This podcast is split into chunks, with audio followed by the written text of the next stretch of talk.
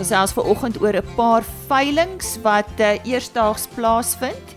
Dan praat ons met Pioneer Saad se Pieter de Wet oor die belangrike faktore wat in ag geneem moet word wanneer 'n produsent 'n mieliebemestingsprogram beplan. Ons praat oor bemesting en grondeienskappe. En die Swellendam skou vind die einde van hierdie week reeds plaas. Dit is een van die oudste landbouskoue in Suid-Afrika en Susan Smit vertel ons vanoggend meer. My naam is Lise Roberts en dis tyd vir RSC Landbou op hierdie Maandag 26 Februarie. Dankie dat jy ver oggend saam kuier we go. Had a 40,000 there, but a 42 and a 2 bit on there, but a 40. En nou vir ons veilingsnuus van hierdie week. Ons uh, sal ook later in die week 'n onderhoud of twee hieroor inpas. Maar op 27 Februarie, dit is môre, ek het reeds met Frans Sevink hieroor gepraat en dit is die 4de produksieveiling van Buckridge Bonsmaras by die Klakgemeng krale uh, daar op Vryburg. Ook op die 27ste die 102de veiling van Consortium Merino. Ek het ook met Gawie van Heerden al gesels. Dis by Donkerpoort daar net buite Gariepdam. Op 29 Februarie die veiling van Milieboere Bonsmara by Hopefield, die plaas Hopefield in die Viljoenskroon omgewing. Lawrence Elm het ook reeds met ons daaroor gesels. Dan beweeg ons in Maart maand in, die 2de Maart, die Tabanyoni 7de jaarlikse Ankoli en Boran produksieveiling van Jessica Ntaba. Dis by Pala Pala daar op Bella Bella. Dan op 7 Maart en ek gesels Woensdag met Derrick Gustafson hieroor en dit is die Kadash Kianina uitverkoping by Fallview Bonsmaras. Daar is heelwat diere op aanbod. So onthou om Woensdag in te skakel vir ons gesprek met hom. Kom ons kyk na twee veilinge van 13 Maart. Die Toverberg Simmentalers algehele uitverkoping van Abraham Kreer en die Bonsmara SA nasionale veiling by die Afridome op Parys. Dis nou natuurlik 13 Maart. Dan uh, ons laaste een vir vandag 14 Maart die algehele uitverkoping van Indruk Santa Gertrudis. Dis 'n 40 jaar oue stoet van Louise Patterson en dit is op die plaas Grootvlei in die Modimolle distrik. Dis dan vandag se veilingsnuus. As jy nou eers ingeskakel het, goeiemôre. Jy luister na RSG Landbou. Baie welkom. Soos ons luisteraars gehoor het, is uh, Pioneer Saad RC Landbou se vernoot hierdie week en is altyd goed om met een van uh, hulle kundiges te gesels. Viroggend te uh, praat ons oor bemesting en grondeienskappe en ek gesels met Pieter de Wet. Hy is 'n landboukundige vir die Oos-Vrystaat vir Pioneer Saad. Pieter, goeiemôre. Wat is belangrik om in ag te neem wanneer ons praat oor 'n mieliebemestingsprogram? Goeiemôre Lize, uh, dankie vir die geleentheid. Ek sien uit om met jou te gesels.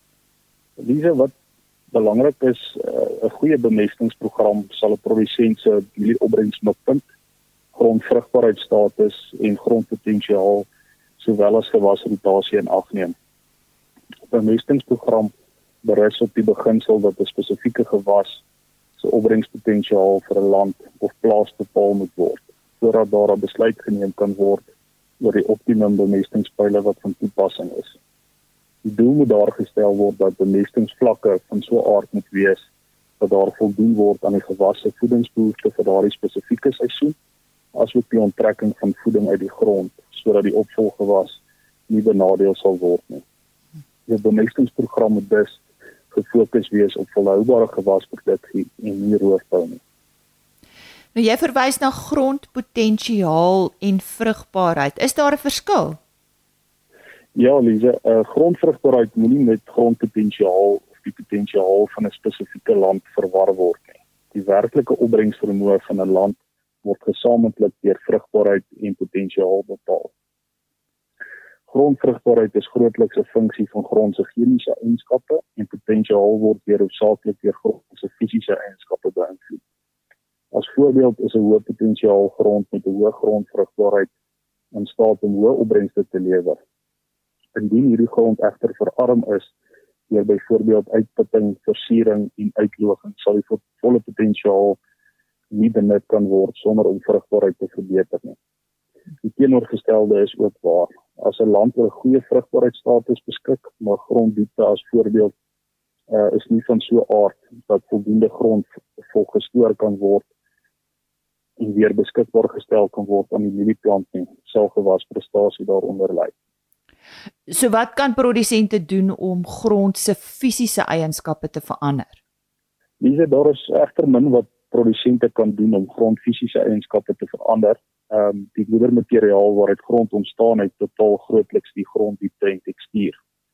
Produsente kan wel die grond fisiese eienskappe tot 'n mate verbeter deur die regte bewerkingspraktyke toe te pas.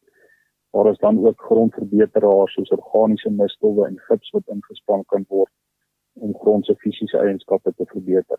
Die fokus moet dus wees op die verbetering en instandhouding van grond se chemiese eienskappe.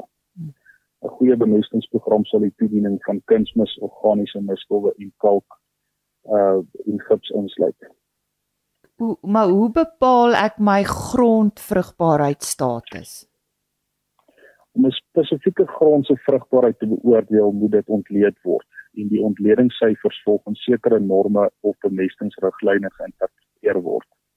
Dit is dus nodig om grondmonsters te neem en weg te stuur na 'n laboratorium. Die wyse waarop hierdie monsters geneem word is van groot belang. Neem genoeg monsters sodat die grondchemiese variasie wat voorkom akkuraat bepaal kan word. Ryk monsterneming of as ek die Engelse woord kan gebruik, grid sampling is sonder twyfel die beste grondmonsternemingsmetode. Die daar waar in waar een saamgestelde monster 'n land moet verteenwoordig en gebruik moet word om bemestingsaanbevelings te maak, word vandag nie meer as goeie praktyk beskou nie. Een monster op 'n land kan 'n skewe beeld gee oor wat werklik op 'n land aangaan. Die variasie in grondchemiese eienskappe is eenvoudig net te groot. Jy verwys nou na verskillende grondmonsternemingsmetodes. Brei bietjie uit daarop. Lise, daar is verskeie metodes om grondmonsters te neem. Ehm um, ek wil terwille van tyd net twee metodes uitsonder. Uh in die verlede was was sogenaamde boeremonsters die gewildste metode gewees. Met hierdie metode van monsterneming sal 'n monsternemer gewoonlik elke 20 tot 50 tree 'n monster neem, soos wat hy skuins of dwars oor 'n land beweeg hierdie monsters word dan saamgegooi en staan bekend as 'n saamgestelde monster. Daar sal dus net een of miskien twee saamgestelde monsters per land wees. Die nadeel van hierdie metode is dat die resultate nie verteenwoordigend van grondchemiese variasie is. Die herhaalbaarheid van hierdie metode is ook nie na wense nie. Die monsternemer kan byvoorbeeld net 'n ander roete oor die land neem en resultate gaan waarskynlik drasties anders lyk. Rypmonsterneming behels dat 'n monsternemer in 'n ryppatroon monsters neem en elke punt is gekoppel aan 'n GPS-koördinaat. Die ryppatroon kan wissel van 0.5 hektaar tot 4 hektaar en selfs groter, maar word oor die algemeen nie aanbeveel nie. Die produsent en landboukundige moet gaan kyk na die grondvariasie en besluit watter patroon die spesifieke land sal pas. 'n 1 hektaar ryp in Oos-Vrystaat is gewoonlik voldoende. Dit beteken dat daar byvoorbeeld op 100 hektaar land 100 monsternemingspunte sal wees. Die voordeel van hierdie metode lê nie net in die feit dat daar nou meer monsters geneem word per land nie, maar vir elke grondmonster is daar daar dan ook nou 'n GPS verwysingspunt. Dit stel die landboukundige in staat om met behulp van ekstrapolasie tegnieke hierdie inligting met mekaar te verbind en zones te skep. Hierdie punte of zones kan dan gemonitor word oor seisoene om te sien of die produsent se bemestingsprogram op standaard is en of dit dalk nodig is om sekere grondchemiese regstellings te maak buite die kunsmis wat gegee word. Ons gesels 'n bietjie oor bemesting. Jy het vroeër verwys na norme en riglyne ten opsigte van bemesting. Is daar sulke riglyne wat produsente kan volg? Ja, Lise, die Mestofvereniging van Suid-Afrika het hierdie bemestingsriglyne ontwikkel en is gebaseer op langtermynbemestingsproewe. 'n Deelvorm van hierdie proewe is onder andere kalibrasieproewe wat ten doel het om gewasreaksie te meet en te korreleer met grondontleringsresultate. Data word dan deur aanvaarde wetenskaplike tegnieke in gewasproduksiefunksies ingebou. Let daarop dat hierdie studies gedoen is deur gebruik te maak van spesifieke ontleringsmetodes. Waak teen ontleringsmetodes wat jy nie toelaat om jou ontleringssyfers direk met hierdie riglyne te vergelyk. Daar bestaan egter verwantskappe tussen verskillende ontleringsmetodes, maar gewoonlik is daar foute wat insypel sodra hierdie syfers omgeskakel word. My raad aan produsente is voor die gesprek met jou landboukundige oor die ontleringsmetodes wat gebruik word op jou plaas en of die spesifieke metodes gekalibreer is ten opsigte van gewasreaksie. Waarom fokus Pioneer saad op bemesting en grondeienskappe? Waarom is dit so belangrik? Diese basters reageer verskillend ten opsigte van grondpotensiaal en grondvrugbaarheid wanneer ons nuwe basters toets, toets ons nie net opbrengs onder ideale toestande nie. Ons wil seker maak ons verstaan hoe ons basters reageer onder lae en hoë potensiaal toestande. Die benadering gee ons die sekerheid dat ons ons basters korrek plaas binne die verskillende mielieproduksieareas. Ons sê baie dankie aan eh, Pieter de Wet vir daardie goeie raad. Hy is landboukundige vir die Oos-Vrystaat vir pannaarsaad en hy het vandag met ons gesels oor bemesting en grondeienskappe en watter faktore belangrik is om in ag te neem. Pioneer Saad het verteenwoordigers regdeur Suid-Afrika vir meer inligting www.pioneer.com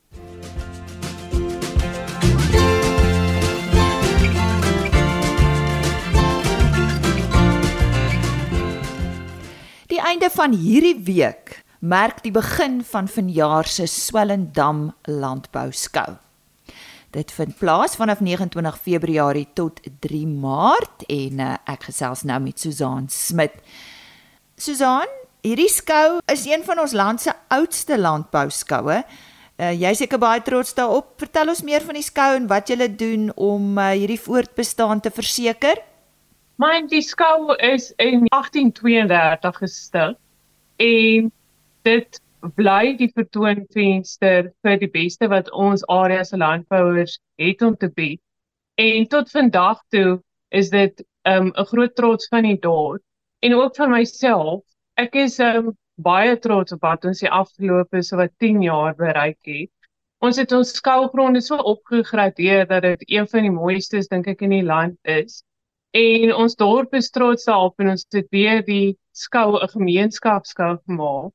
So ons probeer om ons plaaslike diensorganisasies en skole en soveel voort um soveel as moontlik te betrek by die skou.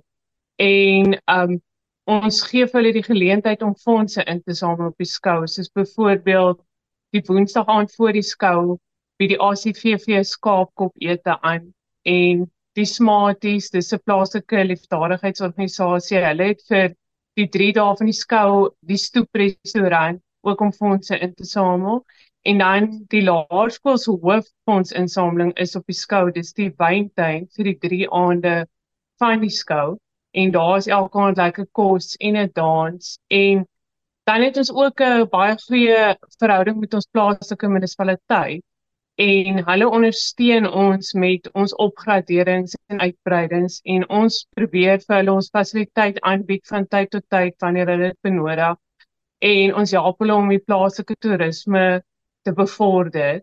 So ek dink dis alles 'n samewerking van die gemeenskap en ons is regtig trots op wat ons het.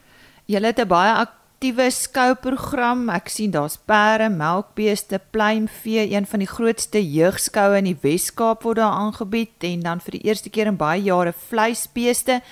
Gesels bietjie met ons hieroor. Ons um, pluimvee skou is altyd lekker vol. Ons het so 250 diere. En dan sien ons baie uit na die Suid-Kaap Jersey Kampioenskappe wat weer by ons aangebied word hierdie jaar dit is van die beste kwaliteit diere nog en ons het so tussen 40 en 45 wat kom. En dan is ons opgewonde oor die eerste vleisbeeskou in jare. Ehm um, ons het so tussen 40 en 45 Angus wat kom en dis van die topteelers in die Weskaap en in die land wat daar gaan wees met hulle beste kwaliteit diere.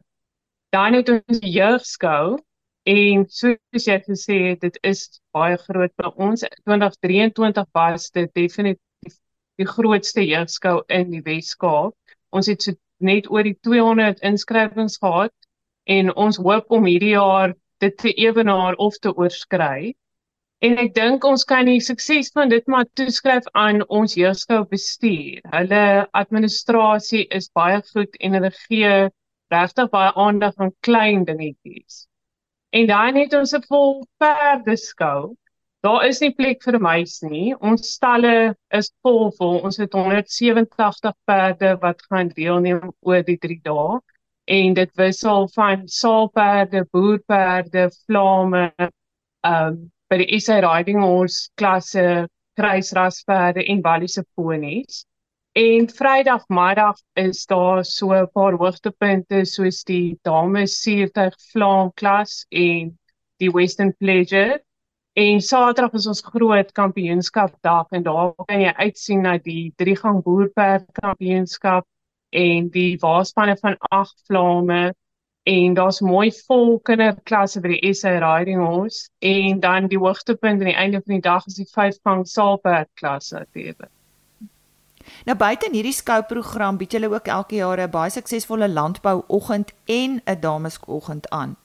Die damesoggend het ons verander na damesaand. Dis die Dinsdag voor die skou en dis 'n vreeslike lekker kuier aand vir al die dames op die skou.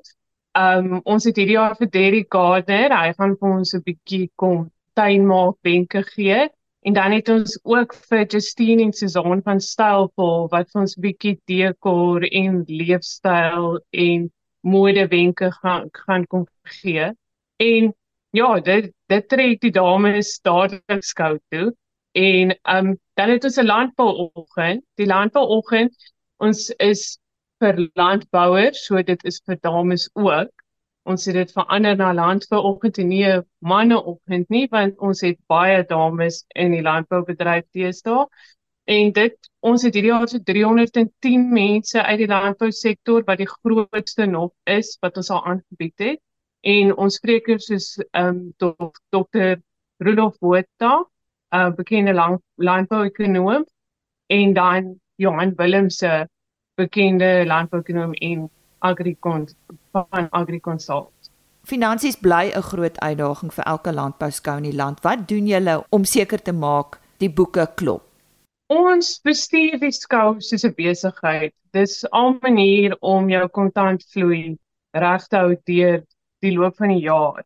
En daar daarom het ons begin met sekere van die fasiliteite uitverhuur permanent soos byvoorbeeld een keer 'n maand ehm um, vir hier ons sit aan BKB vir hulle vee vee veilings en ons ehm um, vir hier ook baie van die ander fasiliteite permanente aanwesighede.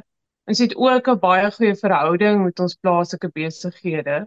Soos byvoorbeeld een van ons hoofborge van die skou is hulle naam Superspar en hulle borg ons skou dans wat 'n reuse inkomste vir die skou is om die skou te kan beplan en reël. En dan het ons ook 'n goeie verhouding soos met BKB en SSK en hulle het die afgelope paar jaar vir ons ondersteun, nie net deur borgskappe nie, maar om vir ons kredietfasiliteite toe te staan sodat ons die nodige uh, opgraderings en uitbreidings kan aanbring aan die perseel. So alles gaan oor kommunikasie en administrasie en ons bestuur het uh, geen kontant hanteer beleid. En ons het 'n baie goeie boekhouer en ouditeur en hulle hou vir ons tussen die lyne. En die beste ja, dit is die beste manier wat jy wat jy dit kan doen. Soos ek gesê het, is van 29 Februarie tot 3 Maart, sommer nou, einde van hierdie week. Kontak besonderhede vir meer inligting asseblief Susan. Die lekkerste is om op ons Facebookblad te gaan volg Ehm um, ons sit omtrent elke dag ietsie daarop oor wat ons gaan aanbied. Ons program is ook nou gefinaliseer. Jy kan hom ook daar kry. En as jy wil gaan kaartjies koop, kan jy vooraf aanlyn by Webtickets gaan koop. Daar is 'n skakel bo aan ons Facebookblad. En um, of jy kan by die hekke donderdag die 29ste van 8uur af as die hekke oop so jy kan daar ook kaartjies koop.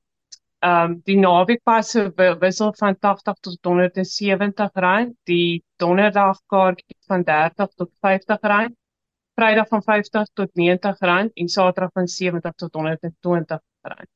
So ja. En ons het nog baie verrassings wat ons nog nie vir julle van gesê het nie. Susan Smit wat ons daar vertel het van vanjaar se Swellendam landbou skou daar in die pragtige Suid-Kaap net weer 29 Februarie tot 3 Maart. Net vinnig iets oor môreoggend se RSG landbou. Ons medewerker in die Noord-Kaap, Koos de Pisani, het Consortium Merino se 100ste veiling daar op eh, Victoria Wes bygewoon en hy daar met Jackie Nel gesels. Jackie is 'n onafhanklike afslaer en ook 'n merino boer en dit is die 84ste keer wat hy as afslaer vir hierdie groep opgetree het. Ons hoor bietjie wat hy te sê het oor Consortium Merinos en tydens uh, hierdie veiling het Koos ook vir Christo Plessis van Indian Ocean Exports raakgeloop en hulle praat oor rooi vleis uitvoere. So onthou môreoggend weer in te skakel Andrieg Victor ook op sy pos met ons wolmark verslag. So dis baie wol sake môreoggend. Dis dan nou tyd om te groet. RC Landbou op rc.co.za as potgooi beskikbaar. Jy kan ook vir die onderhoude gaan kyk by agriorbit.com en dan sluit ek af met 'n e-posadres rclandbou@plaasmedia.co.za. Sterkte vir hierdie maandag wat voorlê en bly ingeskakel in die geselskap van RSG. Totsiens. RSG Landbou is 'n plaas media produksie met regisseur en aanbieder Lisa Roberts.